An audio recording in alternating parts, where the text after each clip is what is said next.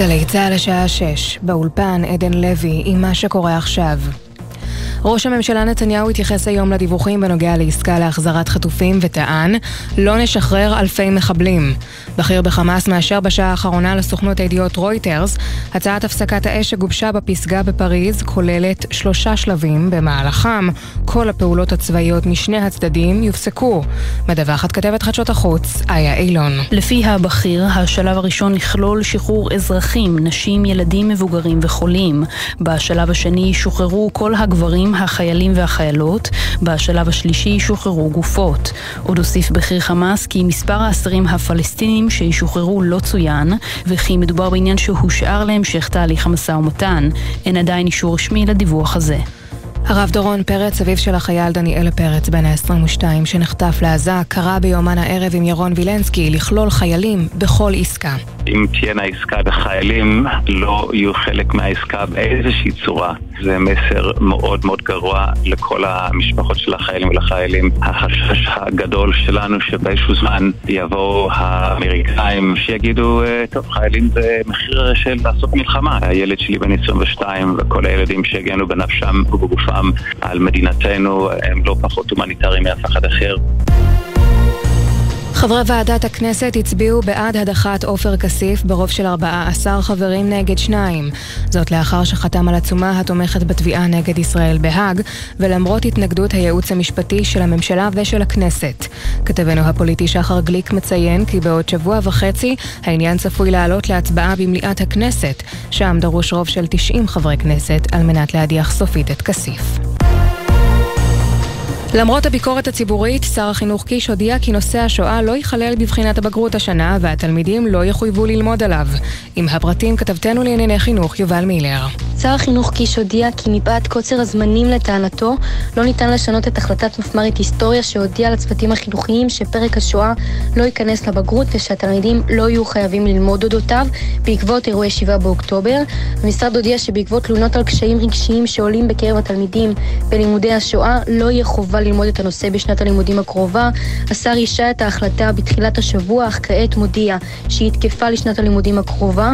לטענת השר, החל משנת הלימודים הבאה, השואה תחשב כנושא חובה בבגרות. חקירת הפיגוע אתמול בחיפה, במערכת הביטחון מעריכים, המחבל פעל לבדו.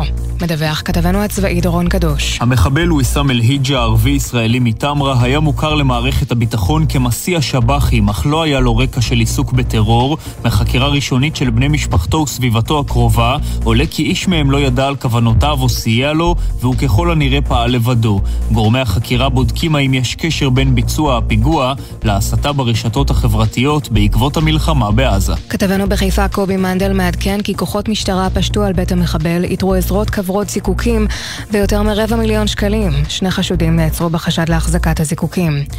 החייל שנפצע אתמול בפיגוע עדיין מאושפז בבית החולים רמב"ם בחיפה, ומצבו מוגדר כעת בינוני.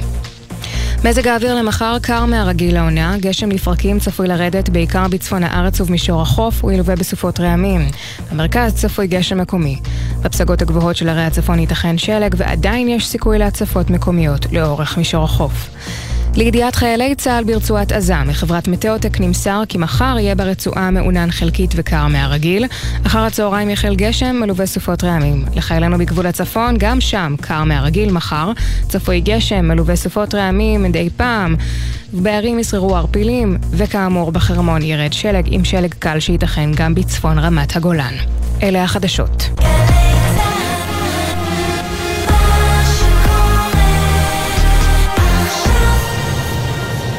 בחסות מאיר, המזמינה על ימי מכירות של מותגי הרכב השוודיים. פולסטאר, לינקן קור ווולבו, 4 עד 9 בפברואר. גם וולבו EX30 החשמלית תהיה שם, פרטים באתר. ישראל במלחמה, עכשיו בגלי צה"ל, סמי פרץ, עם החזית הכלכלית.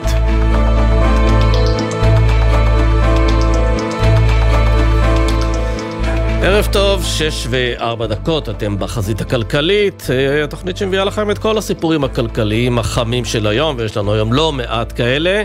אם יהיו עדכונים ביטחוניים, כמובן נביא גם אותם.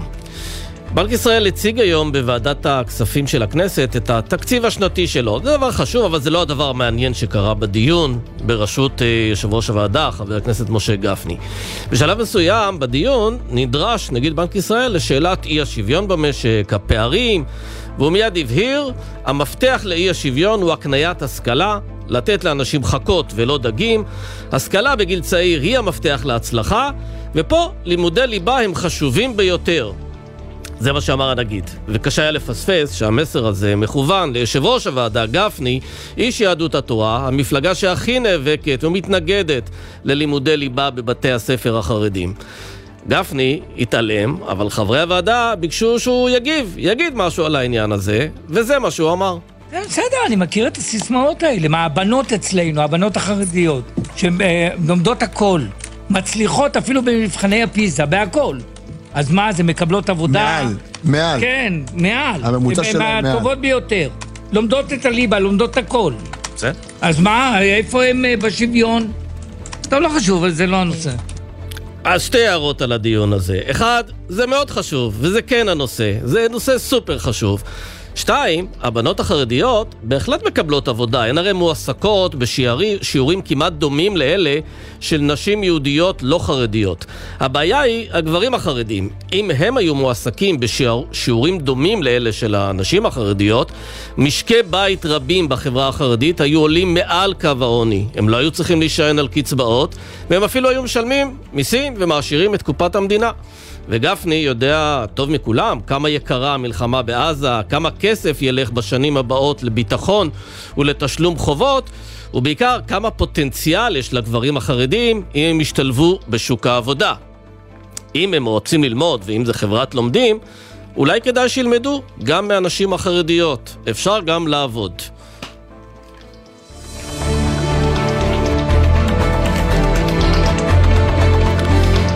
טוב, אז הבטחנו שנדבר על הסיפורים הכלכליים החמים של היום, אבל למעשה תקציב הביטחון זה הסיפור הכלכלי הגדול לא רק של היום, לא רק של השנה, כנראה של כל השנים הקרובות.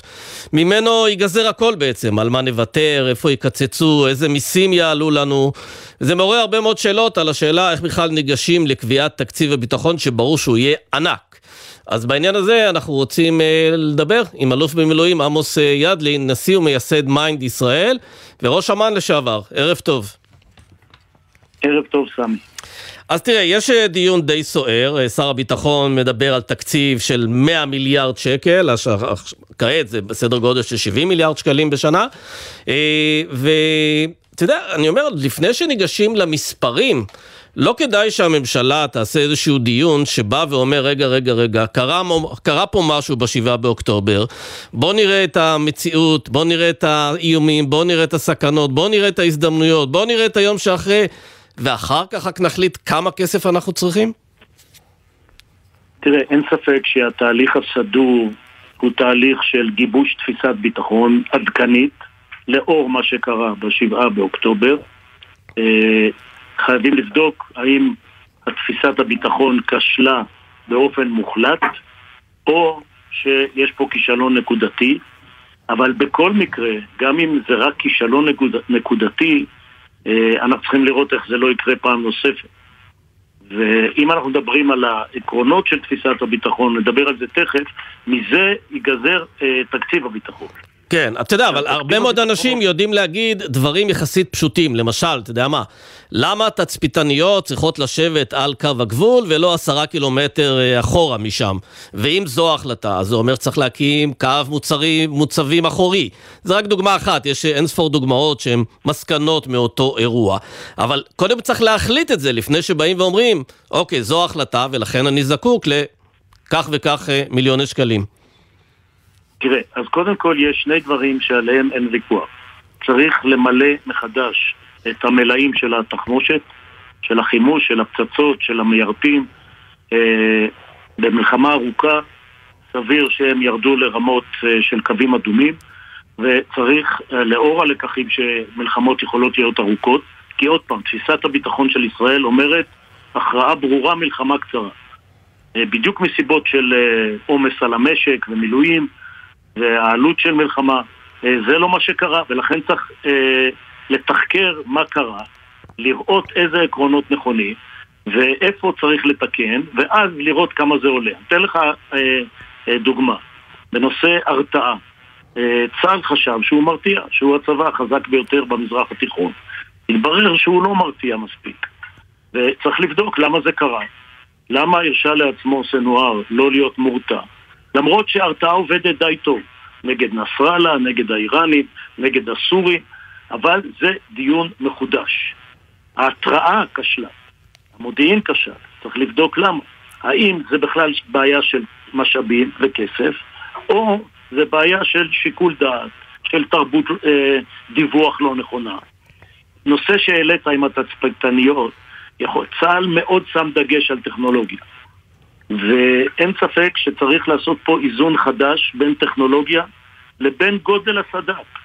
פשוט לא היה מספיק סד"כ לעצור את הנוח'בה הזאת, עם כל הכבוד אה, לטכנולוגיה. אבל זה לא, לא היה מספיק סד"כ, לא משום שאין לצבא מספיק אה, חיילים וכוחות ואמצעים, אלא משום שההקצאה שלהם הייתה לא נכונה או לא מתאימה לנוכח האיום שהתממש. לא, אז זה בדיוק הנקודה. כשהמודיעין לא מצביע על האיום, ושפיקוד דרום לא נערך לקדם התקפה, גם אם אין לו התראה מודיעינית, סימן שמשהו פה לא עבד. את זה צריך לחקור, ולהביא את זה לאותה ועדה שתגבש מחדש גם את תפיסת הביטחון ואת תקציב הביטחון שנגזר ממנו. עכשיו, בדיון על תקציב הביטחון, אגב, יש שני דיונים שעוד פעם, ממשלה רצינית אה, תעשה את זה אצלה, אבל אם לא, זה נעשה בצה"ל. זה דיון על איום הייחוס. מהו האיום על מדינת ישראל? היום ברור שאיום הייחוס שנערכנו מולו לא היה מספיק אה, מבוסס ולא היה מספיק נכון. ואנחנו היום נלחמים בשבע חזיתות, זה צבא אחר לגמרי. אחרי זה, אחרי שמגדירים מה האיום, גם מה התרחיש. תרחיש שבו אתה צריך לראות, כשאתה מדבר על הסד"כ, האם היום אפשר לעשות מלחמה בו זמנית גם בעזה וגם בלבנון? אה, לא בטוח. האם יש מספיק סד"כ, סד"כ איכותי, סד"כ שבו אה, אה, אנחנו בטוחים שהמהלך הקרקעי לא יעלה באבדות גדולות מדי. כן, אבל אני אגיד לך משהו. Uh, תראה, אנחנו למודי מלחמות הרי, ואנחנו גם למודי טראומות, ויש איזה חשש שהטראומה הזו של השבעה באוקטובר תגרום לנו לעשות טעויות שנעשו כבר אחרי מלחמות. אני מזכיר לך שאחרי מלחמת יום כיפור, אתה ודאי יודע את זה, הצבא קנה מכל הבא טנקים ונגמשים ומה לא, ואחרי מלחמת לבנון השנייה, הצבא מאוד גדל בכוח אדם, הגדיל את זה באיזה 6,000 אה, אנשי קבע, בצורה גם שהוא לא ידע להסביר אפילו מדוע. איך מוודאים שלמרות שתקציב הביטחון יגדל, וזה אין ויכוח שהוא יגדל והוא יגדל משמעותית, אה, גם מנוצל בצורה נכונה, שהכסף הולך למקומות הנכונים? תראה, הדוגמה שנתת היא דוגמה מצוינת. אחרי יום כיפור אה, העלינו את האחוז מהתל"ג של תקציב הביטחון ל-25 אחוז. אפילו 30 אחוז, כן, ראיתי באחת השנים אפילו 30 אחוז. מה זה הביא? זה הביא אינפלציה של 500 אחוזים, זה הביא למצב של עשור אבוד. אה, במאמר שפרסמתי עם אה, פרופסור אקשטיין וגיורא איילן, אה, כתבנו שאסור לחזור על השגיאה הזאת. אבל מצד שני, אסור לחזור על ההרגשה שהכל בסדר. 30 שנה נלחמנו, 50 שנה, נלחמנו רק בחזית אחת. זה היה תרחיש הייחוס. היה אה, זירה עיקרית וזירה אה, משנית, שאפשר לעבור אליהם בדירוג. יכול להיות שזה לא מה שיהיה בפעם הבאה. ולכן, לפני שאני מגיע ליעילות שאתה הצבעת עליה, מישהו צריך לקחת פה את ההחלטה. כי אה, איזה סיכונים הוא לוקח. תראה, הצבא הוא איזושהי תעודת ביטוח של המדינה. כשאתה קונה ביטוח, אתה יודע שיש דברים שהוא יכסה, יש דברים שהוא לא יכסה אם אתה לא רוצה לשלם פוליסה מאוד מאוד מאוד גבוהה. ולכן אני חושב שנכון יהיה לא לעלות ל-25%, גם אולי לא לעלות אפילו ל-10%, אבל כ-20-30 מיליארד, שזה אחוז או שניים בתל"ג, אין לי ספק שלקחי המלחמה אה, מובילים לשם, ועדיין צריך למנוע בזבוז, אין ספק. אז איך עושים את זה, וגם לא גורמים לצבא שיש איזה, לחשוב שיש איזה פנקס צ'קים פתוח כזה, שכל אחד קונה מה שבא לו, אה, ואף אחד לא מנהל את זה בצורה יעילה, הרי שבכל זאת, אתה יודע, אני לא צריך להגיד שההשלכות של זה על המשק יכולות להיות דרמטיות בנושא של מיסים, של הוצאות חברתיות אחרות, שכולנו צריך לשאת בהן. סמי, אתה מתאר פה משהו שהוא קצת פופולרי, אבל הוא לא נכון. הצבא מנהל את משאביו בצורה מאוד מקצועית ומאוד טובה, כי הוא כל הזמן במחסור. במחסור בכמות האוגדות, הוא במחסור בכמות המטוסים, הוא במחסור באימונים שהחיילים עושים, הוא אה, במחסור בקניות מהתעשייה המקומית. יש את התקציב האמריקאי שעל פי ה-MOU אה, מוריד את הקניות בתעשייה המקומית ומגדיל את התלות בארצות הברית. יש פה הרבה מאוד גורמים שאגף התכנון אה, מתכנן אותם. כן, אבל אי אפשר להגיד שהשבעה באוקטובר קרה בגלל מחסור כלשהו. אני את השבעה באוקטובר משאיר לוועדת החקירה. והשבעה באוקטובר, אני מזכיר לך, הוא מול האויב הרביעי בעוצמתו, וזה אחת הסיבות שזה קרה. כי המערכת התרכזה באיראן גרעין, התרכזה במלחמה, אה, במערכה בין המלחמות בסוריה נגד ההתבססות של איראן. היא התמקדה בחיזבאללה. וחמאס נראה כמשהו שאיננו מסכן. ולכן אה, זה לא בעיה של בניין כוח. השבעה באוקטובר זה בעיה של הפעלת כוח, זה בעיה של מודיעין וזה בעיה של מנהיגות. ואת זה לא קונים בכסף. כן, אני רוצה לשאול אותך על עניין של תפיסת הביטחון. אנחנו רואים במהלך השנים באמת הרבה מאוד אה, גופים, גם אתה, אה, כותבים מסמכים שנוגעים לתפיסת הביטחון. אני לא רואה אבל שממשלות נורא נלהבות לעשות ישיבות אה, שבהן הן מגדירות מחדש ומעדכנות מחדש את תפיסת הביטחון, כי אולי, לא יודע, אולי הן לא רוצות להתחייב על זה. אתה ממש צודק, סמי. אה, האחרון שעסק בתפיסת הביטחון בתפקידו כשר ביטחון היה שאול מופז. אה, ב-2006 הוא הקים את ועדת מרידור, אה, ואז באמת הסתכלו על תפיסת הביטחון שכללה שלושה מרכיבים: הרתעה, התראה והכרעה, והוא הוסיף את רגל ההגנה, מתוך הבנה שיש ארגונים שקשה מאוד להכריע אותם, ולכן צריך להתגונן מהם. ולמשל ההגנה מטילים הכי טובה שיש היום בעולם מטילים ורקטות היא בישראל, כתוצאה מהתפיסה הזאת אה, שאישר אותה מופז ב, ביומו האחרון במשרד הביטחון, לפני שהחליפו אותו. מאז לא היה דיון. ויש שני נושאים שהם אה, בעצם מונעים דיון משמעותי בממשלה בתפיסת הביטחון, והם נושאים פוליטיים.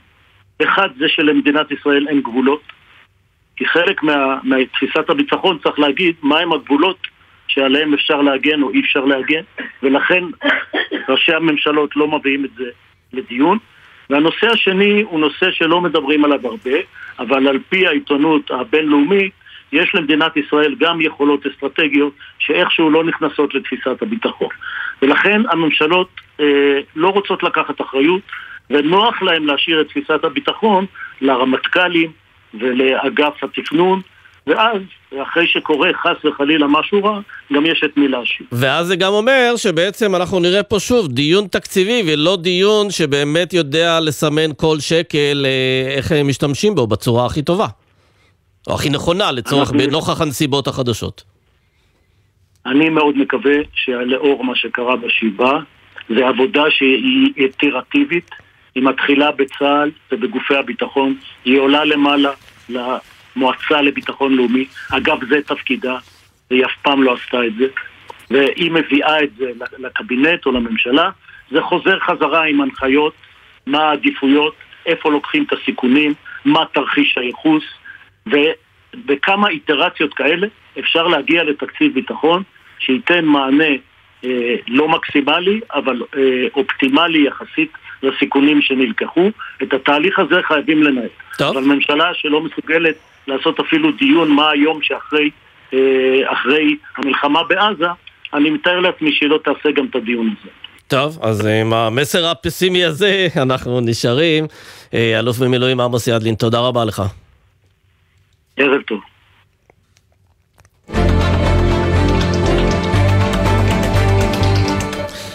הודעה מאוד אה, חריגה של משרד הבריאות היום, שמדווח על תקלה במערכת מחשובית שמשמשת כמה בתי חולים, וגרמה לכך שאנשים קיבלו תרופה לא נכונה. טלאור מאירסון, כתבתנו לענייני בריאות, ספרי על האירוע המדאיג הזה. כן, סמי, שלום. באמת, אה, במסגרת התקלה הזו, כתוצאה ממנה, אה, מטופלים שנקלטו לאשפוז חוזר בבית חולים, אה, חלקם, עוד לא יודעים בכמה מקרים זה קרה, פשוט רשימת התרופות שלהם התווספו אליה תרופות של מטופל אחר. ממטופלים אחרים, וככה הם יכלו... נשמע לי מחריד.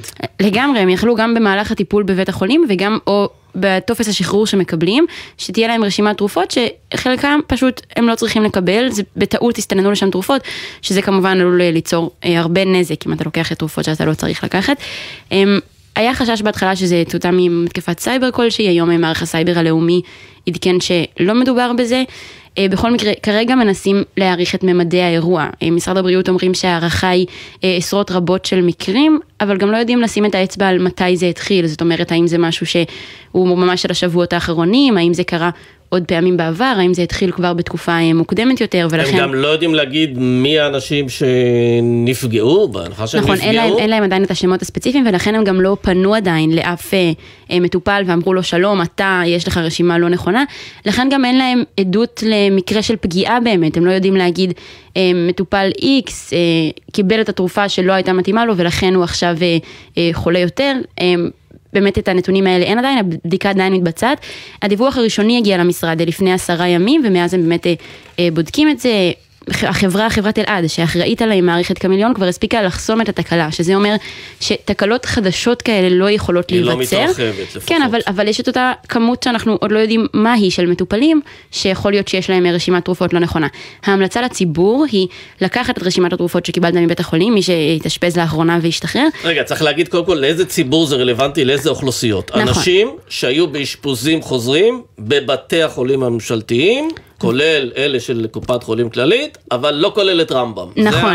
זה ההגדרה? נכון, כי לרמב"ם... צמצמנו את העשרה מיליון ישראלים לכמה עכשיו? אני לא יודעת להגיד את המספר המדויק, אבל כן, בעצם לרמב"ם יש מערכת מחשוב משלהם, לא כמיליון.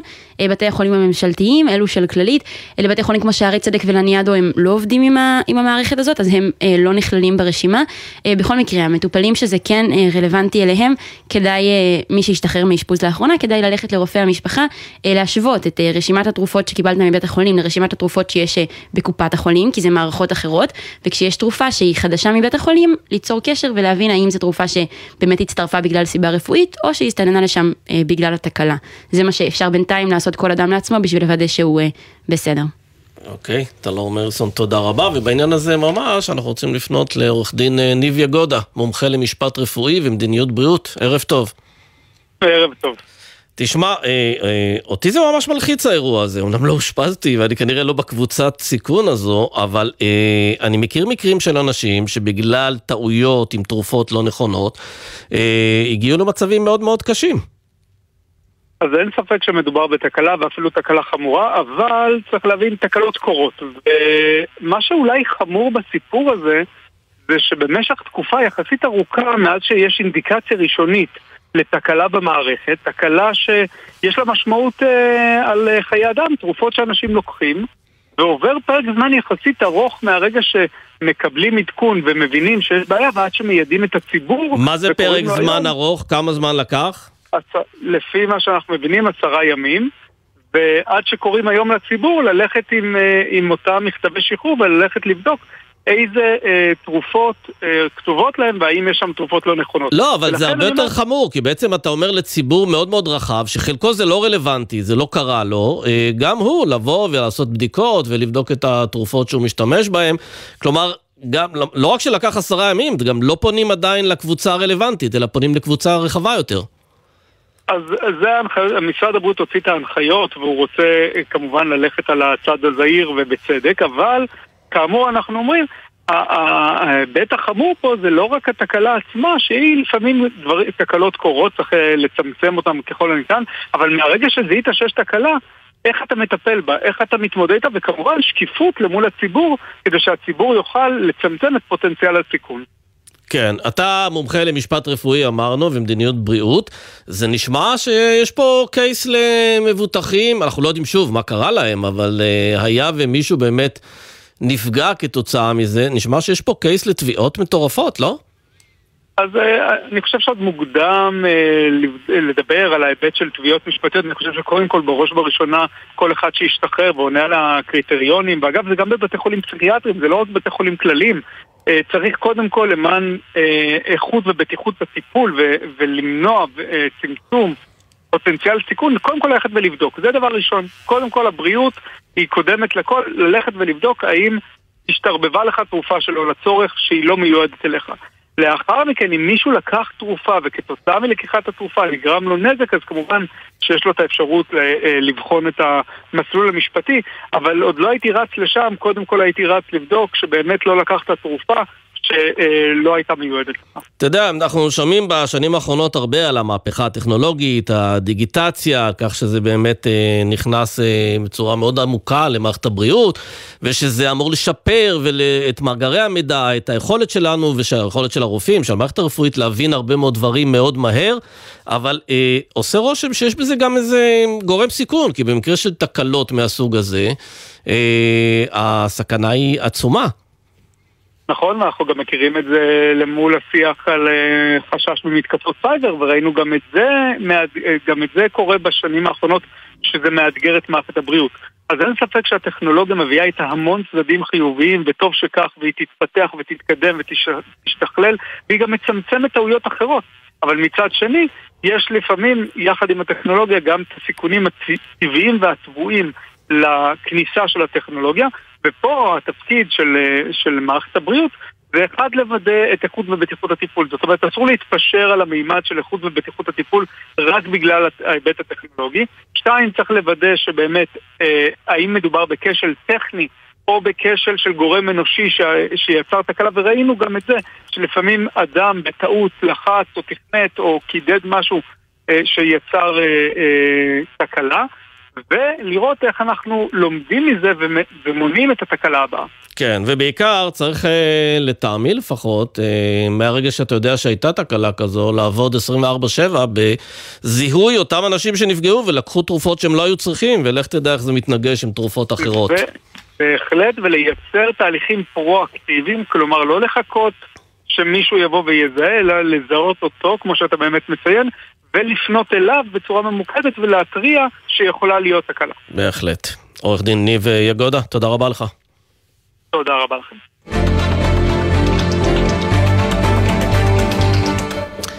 איתנו ישראל פישר עם ענייני אנרגיה היום, ערב טוב.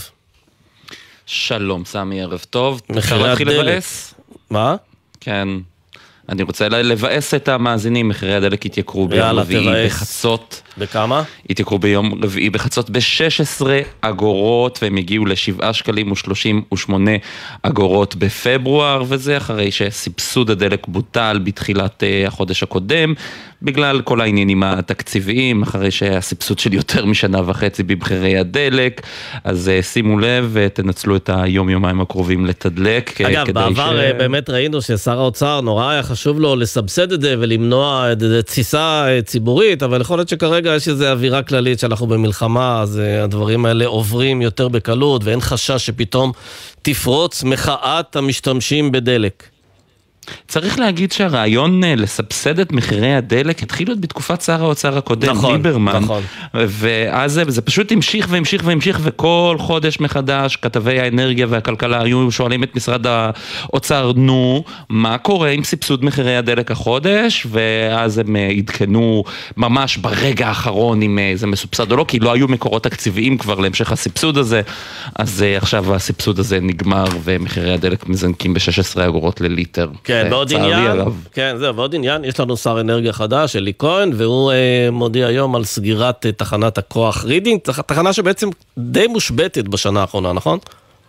נכון, רידינג, ברידינג לא מייצרים חשמל בשנה האחרונה כדי לעשות שיפוץ והתאמה של התחנות שם, שהיא הייתה אמורה להתחיל לפעול החל מ-2026 שוב ולייצר חשמל לאזור גוש דן, כי יש קושי באספקת האנרגיה לאזור גוש דן. אז אה, שר האנרגיה החדש, אלי כהן, שצריך לומר שבחודש האחרון שהוא בתפקיד, הוא הרבה יותר פעלתן מכל מה שעשה השר שלפניו אה, בשנה השלמה שהוא אה, היה שם, אז הוא הודיע היום היום על השבתת הפעילות, ויש פה קודם כל דבר טוב, בין פחות זיהום באזור עירוני, גוש דן, אבל יש פה גם פריצה של הרפורמה בחברת החשמל, כי במסגרת הרפורמה בחברת החשמל היא הייתה אמורה למכור את תחנת הכוח רידינג, ועכשיו מה שיקרה זה שחברת החשמל תייצר שם אה, אה, חשמל באמצעות אגירה, סוללות אגירה, ולא כל השטח אה, ייפתח לציבור ויימכר, כן. ויימכר צריך אה, להמשיך לעקוב אחרי זה, מה בדיוק כן. קורה, כי לא חשפו כמה בדיוק מהשטח אה, ישוחרר. מאה אחוז. ישראל פישר, תודה רבה. תודה רבה. אה, בעניין הזה אני רוצה לצרף את אה, רון אייפר, שהוא מנכ"ל חטיבת אנרגיה מקיימת במשרד האנרגיה והתשתיות. ערב טוב. ערב טוב.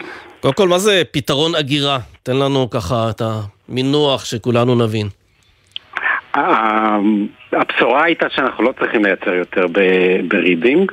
אה, כמו שפישר אמר, יש לזה הרבה מאוד יתרונות סביבתיים, כלכליים. וגם ציבוריים, כי אנחנו נשחרר שטח גדול לציבור בלב אזור הביקוש. אה, אחרי הבשורה הזאת, אנחנו יוצאים לעבודה באמצעות חברת ניהול המערכת, חברת נוגה, שנבדוק מה אפשר לעשות בשטח הזה לשימוש משק האנרגיה ומשק החשמל, האם יש צרכים נקיים ומודרניים אחרים כמו הגירה או חיבור לכבל תת-ימי אה, שנכון שיהיו באתר רידינג. והשטחים שאין בהם צורך אה, למשק החשמל, הם יוחזרו לציבור הרחב אה, לשימושים של מסחר, תעשייה, דיור וכדומה. כן, אבל, אה, אבל מה זה הפתרון אגירה הזה? רק ככה בשני משפטים, שנבין. הפתרון אגירה הזה זה פתרון שעדיין נבחן. האם אנחנו אה, לשים שם אגירה בכמות גדולה תעזור לנו למשק החשמל להתמודד עם אה, מצבים שבהם יש ביקוש מאוד גדול לחשמל במרכז הארץ, או לפתרונות של אה, משק החשמל כמו ייצוב התדר וסוגיות כאלה. והנושא הזה מתחיל, אנחנו מתחילים את הבחינה עכשיו, אין בנוגע לזה אה, שום הסכמות, עבודת המטה הוזנקה היום. אה, מרגע שהחלטנו אוקיי. ש... אז זה מאוד מוקדם, אבל אתה יודע, זה מעורר את השאלה, אה, למה לא לפנות בכלל לתחנת רידינג? זה נמצא הרי באחד האזורים הכי יקרים, הכי מרכזיים בישראל, למה בכלל צריכה להיות תחנת כוח? וגם זה אזור שהולך להיות מאוד מאוד רווי בבנייה, הרי פינו שם את שדה דוב, הולכים לבנות שם אלפי דירות. למה לא לפנות את זה נכון. לגמרי? אז בהחלט, בדיוק בגלל זה ההחלטה שלא יהיה שם ייצור חשמל מגז שהוא מזהם, אה, היא כל כך חשובה כדי לעזור לפיתוח העירוני המואץ שנעשה שם בשדה דוב ואפילו צפונה מכך. אה, אנחנו מודעים לצורך בקרקע ואנחנו מאוד מתחברים לצורך הזה ורוצים לשחרר את כל הקרקע שלא צריכים למשק החשמל. אבל דברים שכן צריך למשק החשמל שהם חשובים לאמינות אספקת החשמל אה, באזור גוש דן, אה, צריכים לשמור את הקרקע בשבילם. אה, לא, אבל השאלה אם זה חייב להיות שם, באזור, אתה יודע, הכי חם, בנמל ובאזור אה, הבנייה המחודש שם של שדה דוב, למה לא להעביר אותו לאזור אחר? אם זה לא יהיה חייב להיות שם, ויהיה מקום אחר שבו נוכל לעשות את זה, זה יהיה במקום אחר. אבל אנחנו וגם מאוד מתחברים לרצונות הנדל"ניים, אבל אנחנו גם מחובתנו לשמור שיהיה חשמל אה, לא, לא, לאו דווקא רק מסיבה נדל"נית, גם מסיבה של אה, סיבה סביבתית, זה בכל זאת אזור לא, שיש נכון. בו. כן. אנחנו מאוד מתחברים לדבר הזה, זה בדיוק מה שעשינו היום. אה, אנחנו הצהרנו ואמרנו ששטחים ישוחררו לטובת הציבור, גם לשימוש של פארק וגם לשימוש נדל"ני, אבל אנחנו כן נבחן אם יש בכל זאת צורך כן. בשטח הזה. אה, להבטחת אמינות אספקה במרכז הארץ. יפה. רון אייפר, מנהל חטיבת אנרגיה מקיים את משרד האנרגיה והתשתיות, תודה רבה. תודה רבה לכם. נצא להפסקה קצרה, מיד נחזור עם דיווח על השימוש של צה"ל במערכת אטלנטיס לטיפול במנהרות ועוד, הנושא של אה, מחירים ואיך עלו המחירים בתקופת המלחמה ומה ההסבר לזה. כבר חוזרים. אתם מאזינים לגלי צה"ל. בעת הזאת כולנו זקוקים לרוח. שלום, כאן ניר ברוידה, מנכ"ל בינה, הבית של היהדות הישראלית. אנחנו שמחים להזמינכם להשתתף במגוון הפעילויות שלנו, לשאוב כוח והשראה מהאושר של התרבות היהודית והישראלית. אירועים קהילתיים בבתי בינה ברחבי ארצנו, שנת מצווה קבוצתית, מופעים וסדנאות לבתי הספר במסגרת הגפן, מפגשים והפעלות למשפחות המפונים. בנוסף, מחכים לכם באתר בינה גם ערכות העשרה, מאמרים ומערכי שיעור רבים. נתראה בבינה. אחינו כל בית ישראל, הנתונים בצרה ובשביה, העומדים בין בים ובין ביבשה. המקום ירחם עליהם ויוציאם מצרה לרווחה ומאפלה לאורה ומשעבוד לגאולה. השתה בעגלה ובזמן קריב, ונאמר אמן. כולנו מייחלים עם הרב ישראל מאיר לאו להשבת החטופים במהרה ובשלום. משעבוד לגאולה מאפלה לאורה. חיילי המילואים וחיילות המילואים. אתם התגייסתם בשבילנו, עכשיו אנחנו מתגייסים בשבילכם. משרד הביטחון, צה"ל ומשרד האוצר גיבשו למענכם תוכנית הכוללת מענקים והטבות לחיילי המילואים ולבני משפחותיהם. אתם רוצים לדעת למה אתם זכאים? היכנסו לאתר המילואים ברשת. מגישים משרד הביטחון ומשרד האוצר. אם יציפו את המנהרות, האם חמאס ינור שם באמצעות אבובים? האם הכלבה בלה תקבל מהמדינה פיצויים בצורה של בונזו? איך באמת צריך להגיד חות'ים? חות'ים, חות'ים. והאם בבניין המתפרק הזה של גלי צה"ל יש ממ"ד? אה, זה יכול להיות אחלה שם לתוכנית. אה. ציפורי לילה בממ"ד. דודו ארז ואבי אטינגר מסכמים חצי שבוע. חצי בצחוק, חצי ברצינות. הלילה בחצות, גלי צה"ל. עכשיו בגלי צה"ל, סמי פרץ, עם החזית הכלכלית. חזרנו ואנחנו רוצים uh, לפנות לכתבנו לענייני צבא וביטחון, דורון קדוש, ערב טוב. שלום סמי, ערב טוב. צה"ל uh, מעדכן, uh, חושף את מה שכבר דובר בו לא מעט, על השימוש שלו במערכת uh, להזרמת מים למנהרות, מערכת אטלנטיס. מה אומר נכון. הצבא על זה? אז כן, תראה, זה באמת משהו שאנחנו מדברים עליו כבר שבועות ארוכים, אבל uh, יכולנו להתבסס עד עכשיו רק על פרסומים זרים כאלה ואחרים. עכשיו זו בעצם הפעם הראשונה שצה"ל מודה בעצמו שהוא באמת מבצע שימוש במערכת הזו, ביכולת הטכנולוגית uh, לנטרל תשתיות ומנהרות תת-קרקעיות באמצעות הזרמת מים. אז אנחנו מדברים קודם כל על הזרמת מים בספיקה גבוהה, זאת אומרת הזרמה של אלפי קובים לתוך המנהרות, וצריך גם להגיד, סמי, שזה רק חלק אחד ואני אגיד אפילו שזה חלק קטן מהיכולות שצה"ל מפעיל ברצועה כדי להשמיד מנהרות. זאת אומרת, זה ממש לא שרוב המנהרות ברצועה אה, הושמדו באמצעות הזרמת מים, אלא השימוש בכלי הזה נעשה רק בחלקן הקטן של המנהרות. והצבא יודע להגיד אם, הש... אם הטכנולוגיה הזו היא מאוד אפקטיבית? לזה צה"ל לא התייחס. אני כן רוצה להזכיר לך פרסום שהיה ממש במהלך הימים האחרונים בתקשורת הזרה, שאמר שדווקא האפקטיביות המבצעית של היכולת הזו של הזרמת מי המנהרות לא הייתה מספקת. אולי זה גם מסביר למה צה"ל מרשה לעצמו עכשיו לחשוף את הדבר הזה. אני אה, מעריך שעצם החשיפה ועצם האמירה הפומבית של צה"ל שהוא עושה שימוש בכלי הזה, גם אומרת במידת מה שה... שהכלי הזה מוצע. זאת אומרת שצה"ל כנראה לא עתיד להמשיך לעשות בו שימוש באופן רחב, ויכול להיות שאפשר באמת לחבר את זה לדיווחים על כך שמערכת אטלנטיס לא הייתה יעילה במיוחד. אה, כן נגיד שהיו הרבה מאוד הגבלות לשימוש בה. זאת אומרת, צה"ל היה צריך, יכול להשתמש בה רק במקומות שבהם אין פגיעה במי התהום באזור, רק בתוואים מסוימים ורק במיקומים מסוימים. כמובן, מאחר שמדובר על הזרמה של מי ים, אז רק במקומות שנמצאים יחסית במערב עזה, זאת אומרת קרובים לאזור הים, מנהרות שהיו יותר בעומק או יותר באזור המרכזי של עזה או המזרחי של עזה, כמובן שזה לא היה ריאלי להשתמש ביכולת הזו.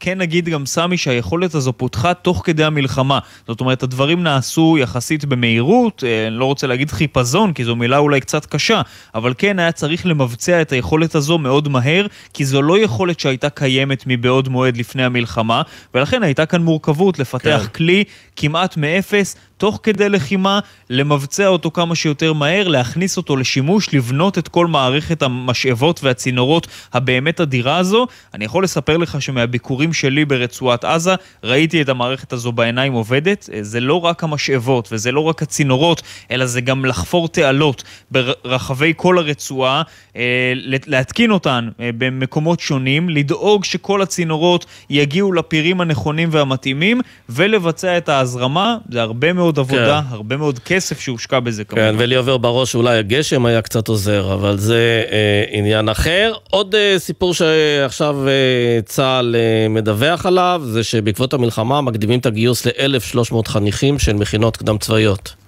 נכון, גם זה דובר במהלך הימים האחרונים, אבל עכשיו למעשה צה"ל גם uh, מסביר למה הוא עושה את הדבר הזה, וגם אנחנו מבינים את המספרים. תראה, היה הרבה מאוד שיח על uh, למה מקדימים שירות של חניכי מכינות קדם צבאיות ושינשינים, אבל לעומת זאת ישיבות, ישיבות ההסדר, אצלם uh, לא מקדימים את הגיוס או עושים את זה בצורה פחותה, אז צה"ל קודם כל סוף סוף מפרסם את המספרים. אנחנו מדברים על 850 חניכים של מכינות קדם צבאיות ומסלולי שנת שירות, ועוד 450 50 תלמידי ישיבות. צה"ל אומר שהמספרים האלה נקבעו בהתאם לגודלם היחסי של המסלולים השונים. זאת אומרת, העובדה שיש יותר חניכי מכינות ושינשינים שהגיוס שלהם מוקדם, נובעת מזה שהם פשוט יותר במספר שלהם.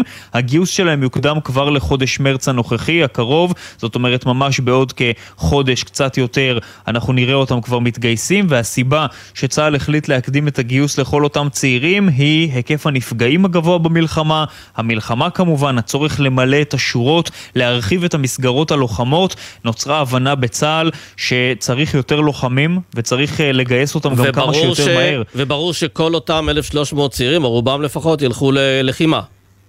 כן, כן, אנחנו מדברים על מסלולי לחימה, מתוך הצורך להרחיב את כן. מסלולי כן. הלחימה בצבא. כמובן, גם סמי נזכיר, כל החניכי מכינות האלה ותלמידי הישיבות האלה הולכים להתגייס בחודש מרס. אה, תהליך ההכשרה שלהם עוד יהיה ארוך, וצריך יותר לוחמים בצה"ל, ומהסיבה הזו צה"ל מקדים את הגיוס. החלטה נוספת שהתקבלה בעניין הזה, היא שצעירים שפונו מבתיהם עקב המלחמה, זאת אומרת תושבי עוטף עזה או תושבי הצפון, הגיוס שלהם לא יוקדם כדי לא לטלטל אותם טלטלה נוספת מעבר למה שכבר קיים. בהחלט. נאחל להם גיוס נעים. תודה רבה, דורון קדוש.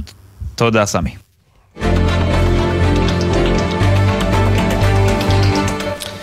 איתנו עינב קרנר, כתבתנו לענייני צרכנות, ערב טוב. ערב טוב, סמי. אז uh, לי הייתה תחושה במהלך המלחמה שהעלו מחירים בסופרמרקטים, והנה מגיע מחקר של בנק ישראל שמוכיח שזה לא רק תחושה. נכון מאוד, סמי, אז בנק ישראל אה, מפרסם הפעם לא רק על הבנקים ועל העמלות הגבוהות, על הריבית וההפך על הפקדונות שלנו, אלא מתייחס לענף המזון שבהחלט אה, אה, נחשב לתחום מאוד מוביל במלחמה הזו. ולפי המחקר שמבצעים ביצעו בבנק, אז רואים שהביקוש ועליית המחירים, קודם כל הייתה עליית מחירים ממוצעת של 2% בסל המזון ללא פירות וירקות בכל השבועות שעברו אה, מפרוץ המלחמה, הם מתייחסים לכל הנושא של הביקוש, שבצד הביקוש חלה השפעה בעיקר אה, בכמות הביקוש למזון. אגב, אנחנו רואים את זה בעיתות של אה, משברים, של מלחמה, גם בקורונה, שתמיד המזון אה, והפארמות לצורך העניין הופכים להיות ההוצאות העיקריות אה, של אה, משקי הבית. הם מסבירים את זה שהשינוי הזה נובע בעקבות, בעקבות הנטייה של הציבור לאכול אה, בבית כאלטרנטיבה לאכילה בחוץ. גם בצד של ההיצע חלו השפעות רבות כן. בעקבות המלחמה, כאמור פגיעה בזמינות ובעלויות של המזון. הדבר המעניין ביותר שהם אה, מציינים אה, פה סמי, שלאורך זמן, בטווח הקצר יכול להיות שהחברות לא תעלנה מחירים, למרות שאנחנו בפועל רואים אה, כבר העלאות מחירים, אבל ככל שהמלחמה תימשך, זה יוביל להעלאות מחירים, וזה גם מתחבר לנו, כן. נגיד במשפט אחד, סמי, לבדיקה של המועצה לצרכנות היום, שבעצם אנחנו רואים שחלה עלייה של 4% בסל המזון ביחס לינואר 2023, כאשר בין המוצרים, שם יש עלייה מאוד מאוד גדולה, סוכר, שמן הזית כמובן, אה, כן. זיתים, אה, ואלה אז אנחנו נדבר הסל. תכף באמת אה, בדיוק על סל מוצרים שכזה, נגיד לך תודה בשלב הזה עינב קרנר. ונצרף את דוקטור איתמר כספי, מנהל יחידת הניתוח המוניטרי בחטיבת המחקר בבנק ישראל, ערב טוב. ערב טוב, סמי. אז אתם בעצם אה, קיבלתם גם כן את התחושה שבזמן מלחמה, בזמנים ככה קיצוניים, אה, אנחנו קונים הרבה, אנחנו לא נוסעים לחו"ל, אנחנו אולי לא יוצאים גם לבלות, אה, וברשתות השיווק יודעים לנצל את הביקוש העודף הזה ומעלים מחירים בלי בושה. אז אני אדבר אולי בצערך ב- ככלכלן בניתוח הכי אובייקטיבי שאני יכול. אנחנו מתארים פה... אבל תדבר גם אנליטית. קצת גם בתור צרכן, לא רק ככלכלן. כמי אה, שחווה את זה בטח בעצמו כשהוא הולך לסופרמרקט. אה, אני, כן, אכן אני צרכן, ואנחנו, אה, אי אפשר, אתה יודע, אנחנו מדברים, מדברים פה באמת עם נתונים, הנתונים באמת מצביעים על עליית מחירים. גם המדד שלנו, אבל יותר חשוב מזה המדדים של, הלמ"ס, שהם אלו שקרובים בסופו של דבר.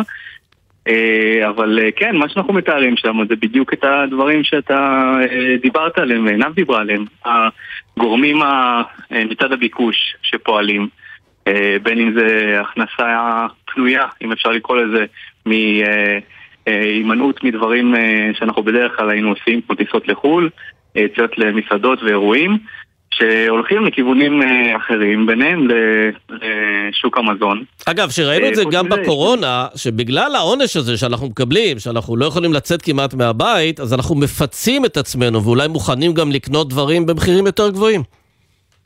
אה, נכון, בקורונה זה היה מאוד בולט אה, בענפי המוצרים, אה, גאדג'טים, היה אפקט הרומבה, דיברו, אז על אה, אנשים שקונים כל מיני גאדג'טים כי הם אה, תקועים בבית ואין על מה להוציא את הכסף. אה, לצערי אנחנו בסיטואציה אחרת לגמרי כמובן, עם מלחמה, היא לא דומה לקורונה מבחינת הסקרים והמגבלות, אבל אה, כן, אם יש הכנסה פנויה אז היא הולכת לאנשהו, אגב לא רק למזון, אבל אה, מזון זה, כשמסתכלים על ההוצאות בכרטיסי אשראי, זה אחד הרכיבים הכי בולטים. אה, אז זה צד הביקוש, אבל חוץ מזה פועלים גם גורמים מצד ההיצע ומצד כוחות השוק. כן, בתחום של ההיצע, אז באמת ראינו שאין מה לעשות, גם בקו הצפון וגם בדרום, אה, הייתה בעיה קצת עם, אה, עד עכשיו בעצם, חלק מהמטעים, אין פעילות במטעים. אפילו היה כמה מפעלים בעוטף עזה שהפעילות שם נפגעה, פעילות הייצור, אז זה די ברור, אבל אתם בניתם סל של 40 מוצרי מזון בסיסיים, וראיתם שמיד עם פרוץ המלחמה, המ- המדד הזה של אותם 40 מוצרים עלה ב-2 אחוזים, זה, זה לא מעט.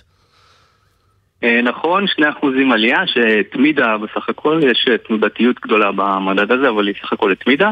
חלק מזה כמובן משקף את היציאה מה...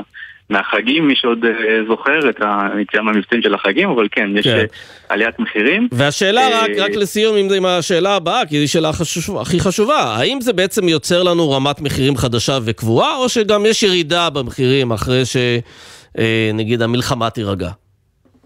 אז זו שאלה מצוינת, שחבל שהכותב השותף של, של התזכיר הזה, פרופסור אלון אייזנברג מהאוניברסיטה העברית לא נמצא, הוא מדבר על uh, תופעה שנקראת טילים ונוצות, בדרך כלל בשווקים uh, כאלה מחירים נוטים לעלות uh, כמו טיל, אבל לרדת כמו נוצה.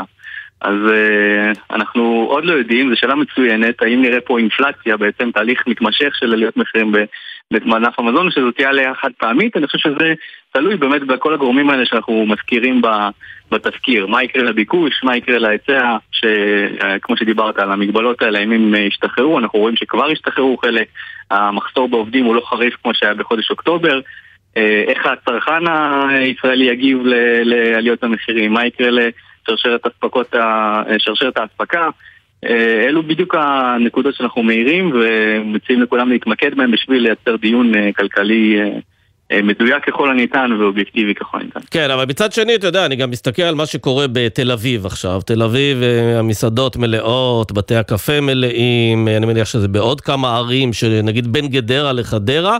אה, והשאלה אם, אה, אם העובדה שאנחנו רואים פה קצת יותר, נגיד, שיווי משקל חדש, כלומר, פחות אולי קונים בסופר ויותר הולכים למסעדה, זה לכשעצמו מאזן את ההשפעות האלה. אז אה, נכון, אנחנו לא באוקטובר אה, וגם נובמבר שבאמת אה, לא יצאו למסעדות ואז היה אפשר להגיד שיש פה איזה פיצוי כלשהו ממלא אנחנו באמת, כמו שאתה אומר, היה הוצאות בכרטיסי אשראי על מסעדות חזרו לקו שהיה לפני המלחמה ואפילו עברו אותו קצת ככה שזה לא רק הסיפור. אבל כן, יש כנראה הרבה הכנסה פנויה שהולכת לכיוונים אחרים שהיינו מציעים עליהם פעם ולא מוצאים היום. הדוגמה הכי בולטת היא כמובן טיסות לחו"ל ונופשים. אם אנחנו לא יכולים לטוס לחו"ל או לא רוצים, או לא עושים אירועים כי uh, כבר אין, הסנטימנט הוא כזה שאין חשק, אז uh, הכסף יכול ללכת למקומות אחרים. אנחנו רואים שהביקוש למוצרי מזון ברשתות השיווק, הצעה בכרטיסי אשראי הוא מאוד uh, חזק ביחס למגמה של טרום המשבר, ולכן שם זה כן. נראה כמו איזה תופעה uh, שמתמידה. יפה. דוקטור איתמר כספי, בנק ישראל, תודה רבה. ערב טוב, סמי, תודה. ערב טוב.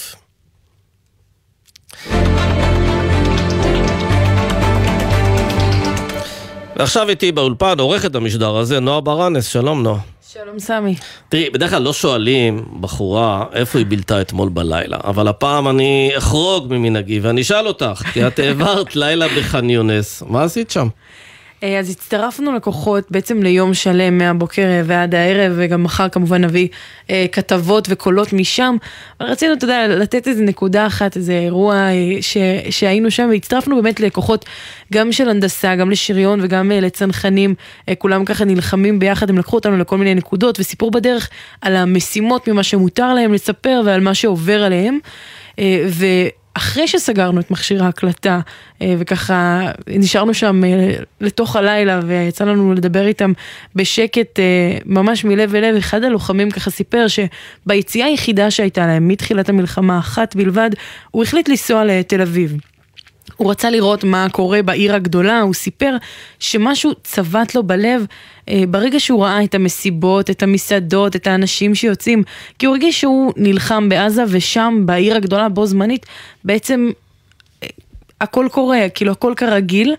זה לא באמת כרגיל, אבל באותו רגע זה מה שהוא הרגיש, הוא ממש סיפר בכנות שמצד אחד הוא מרגיש שהוא שם, ובמלחמה כאילו רק אתמול היה שבעה באוקטובר, בו זמנית כמובן סופרים את הימים וגם נשחקים וגם נשמרים אה, ונזהרים ומתייעלים. אגב, זו אבל... הרגשה גם, אה, זו הרגשה דו צדדית, כי הרבה אנשים שמבלים בתקופה הזו, לא, הם שואלים את עצמם, כן. זה בסדר, בוא, אנשים נלחמים, אנשים בבוץ עכשיו, בח'אן יונס, מה אני מבלה בכלל בזמן הזה? כלומר, כל אחד עם השאלות מהכיוון שלו. נכון, ממש נפתחה שם שיחה על זה, וכל אחד מהלוחמים ככה סיפר אה, את שעל ליבו במיוחד בנושא הזה, והרבה דיברו על הצביטה בלב הזאת, אבל מצד שני, הם אמרו, יש בכל זאת, למרות שזה מרגיש כאילו הם המשיכו בלעדיי, בסוף יש תחושה של שמחה, כי הנה, יש סיבה לזה שאנחנו שם, אנחנו בח'אן יונס, אנחנו נלחמים, והם בבית יכולים לנשום לרווחה, לשמור על שגרה. והם גם רואים שחלק מחיילי המילואים, כוחות המילואים שהיו לצידם, ממש בעצם חודשים לפני כמה ארוכים, ימים. כבר כן, יצאו הביתה, נכון. השתחררו, אה, והם מסתכלים על זה, מה, איזה כיף להם, או מה? זה גם ברגשות משותפים, מעורבים, כי מצד אחד הם אומרים, וואלה, אלה אנשים מבוגרים שעזבו משפחות, שהגיעו אה, מהחיים שהיו להם ועזבו הכל להיות כמה חודשים איתנו, מצד שני הם גם יודעים שהם יחזרו ברגע שיצטרכו אותם, ו- וגם מפרגנים להם, עם כל הכבוד. אה, ומצד שלישי, מבינים שמישהו גם צריך לעבוד ולפרנס נכון, ולממן את. העלות של ה... כן, של כל, ה... של כל התקופה הזאת. כן, ו- וכשאין טלפונים ואין קליטה שם, הם בעיקר מתעדכנים מהרדיו, שמחתי לגלות את זה. ו- אה, מקשיבים שם לרדיו באופן שוטף? ממש, אנחנו פגשנו אותם בערב כשהם היו בהכנות ככה של ארוחת הערב, יושבים מסביב לרדיו כולם ביחד, כאילו חזרנו כמה וכמה שנים אחורה. כן, פעם קראו אה, לזה אגב טרנזיסטור. כן. אז אם uh, במקרה הם שומעים אותנו עכשיו, נמסור לזהבי וללוחמים שלו מרובעית דוהר הנדסה ולעומרי והצוות שלו בצנחנים 202, או ללוחמות מיקה ושירה שהן כוח הרפואה בגדוד uh, 82, שאם במקרה הם שומעים אותנו עכשיו, או כל חייל אחר בעזה או בגבול הצפון, uh, חשוב שידעו שהם בלב של כולנו, שגם בעורף. חושבים עליהם ודואגים להם, ובעיקר מחכים להם שיחזרו הביתה. כן, הם וכל אה, שאר החיילים. שנמצאים שם בעזה ובח'אן יונס, וגם בגבול הצפון ובכל מקום.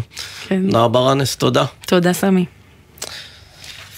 עכשיו נדבר אה, על אה, משהו אחר שמעסיק את המילואימניקים, או לפחות את חלקם. מסתבר שתוך כדי השהייה בעזה, אה, לא מעט אה, פונים לאתרי היכרויות אה, כדי להכיר בנות זוג.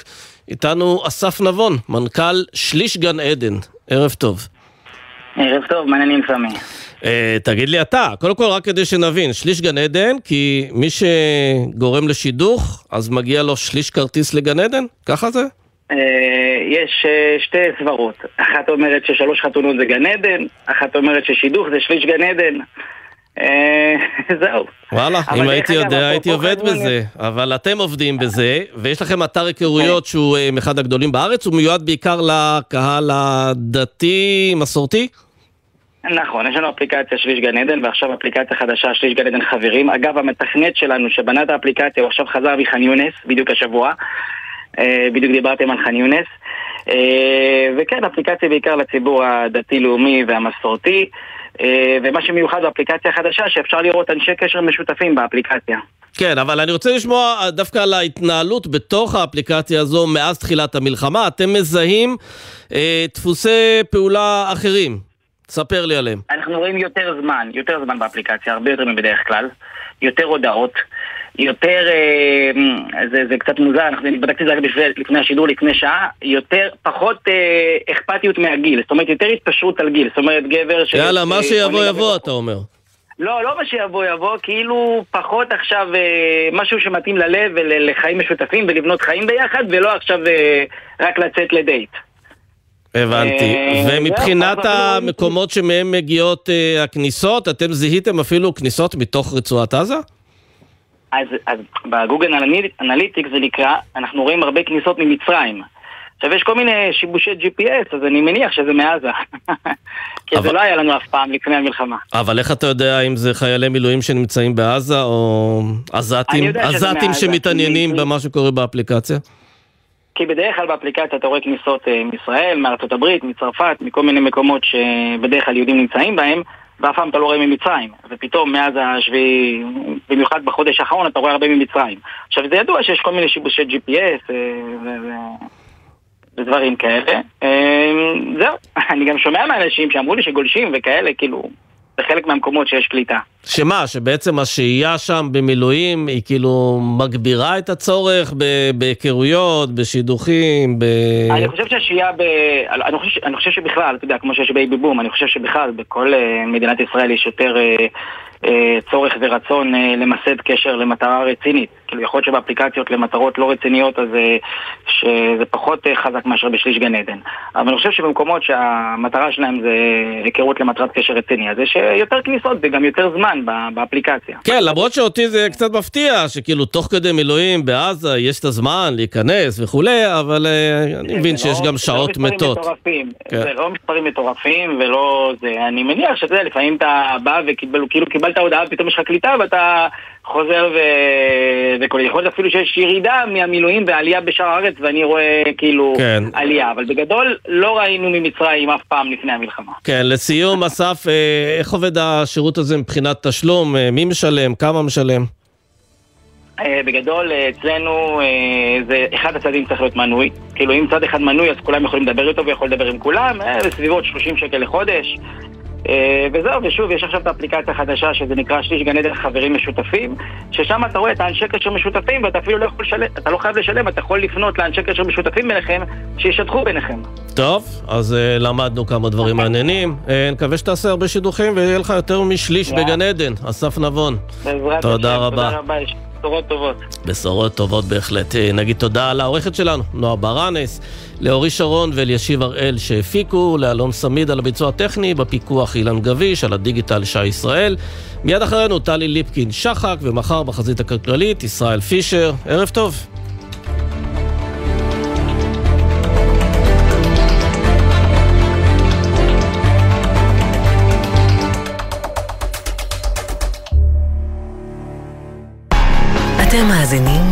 צה"ל. עם ישראל רץ. מרתון ווינר ירושלים יוצא לדרך. ירושלים מצדיעה לצה"ל, כוחות הביטחון וההצלה, ומזמינה את כל עם ישראל להצטרף אלינו לירושלים ב-8 במרס. כוחות הביטחון וההצלה נרשמים ללא עלות. אז חפשו מרתון ווינר ירושלים ורוצו להירשם. הגרלת דירה בהנחה חדשה על אלפי דירות בכל רחבי הארץ. כי הבית שלנו הוא פה. גם פה. פה, וגם פה. ובכל מקום בארצנו מהצפון ועד הדרום. במיוחד היום, ממשיכים לבנות דירות ומניעים את ישראל קדימה. חפשו בגוגל דירה בהנחה, הרשמו להגרלה, ויחד ננצח, ונמשיך לבנות את הבית. משרד הבינוי והשיכון ורשות מקרקעי ישראל, כפוף לתקנון. זו שנה של מלחמה על הבית. זו שנה של גבורה, על ביטוייה השונים. את טקס הדלקת המשואות בליל יום העצמאות ה-76 למדינת ישראל נציין הפעם בסימן גבורה ישראלית. גבורה של מי שגילו אומץ לב נדיר. גבורה של מי שהפגינו נחישות ועוצמה אל מול התופת, הרוע והסכנה. גבורה שהיא השראה לכולנו. המליצו והשפיעו על בחירת מסיעות המשואות ומסיעי המשואות בסימן גבורה ישראלית. פרטים באתר המערך לטקסים ולאירועים ממלכתיים. יש אישה תומר דר, אחות של אבינתן אור, שלום לך. אבינתן מציין את יום ההולדת ה-31 שלו בשבי. מאוד ציפינו שאת היום הולדת הזה אנחנו נחגוג ביחד. מאמינים שיום הולדת זה יום שבו גם המזל של בן אדם גדל, אז אנחנו גם מקווים שזה באמת מה שיקרה היום. אבינתן, אנחנו רוצים להגיד לך, אתה יודע שאתה ממש לא לבד, אנחנו כל המשפחה פה הופכים את העולם ובטוחים שנראה אותך בקרוב. גלי צה"ל, פה איתכם, בכל מקום, בכל זמן. גלי צה"ל ומערכות מציגים. האנשים האלה הם גיבורים בצורה שאי אפשר להבין בכלל. המבצעים הגדולים של הכוחות המיוחדים. הוא זורק, אני זורק, הוא מתכופף, הוא צועק, אני צועק. ואני יודע שעוד רגע אני צריך לצאת ולקפוץ על הבן אדם, לא רק אותו בסכין. הפקודה הייתה מה שעוברים, הורגים. נקודה. הסכת השופך אור חדש על הפעולות שבנו את האתוס של צה"ל ומחבר את העבר אל ההווה. אנחנו נלחמים ומגיעים עד קצה העולם בכדי להציל את האזרחים שלנו, זה תמצית הציונות. המבצעים הגדולים של הכוחות המיוחדים. מוצאי שבת בתשע, ובכל זמן שתרצו, באתר וביישומון גל"צ גלגלצ, ובכל מקום שאתם מאזינים להסכתים שלכם. מיד אחרי החדשות, טלי ליפקין שחק.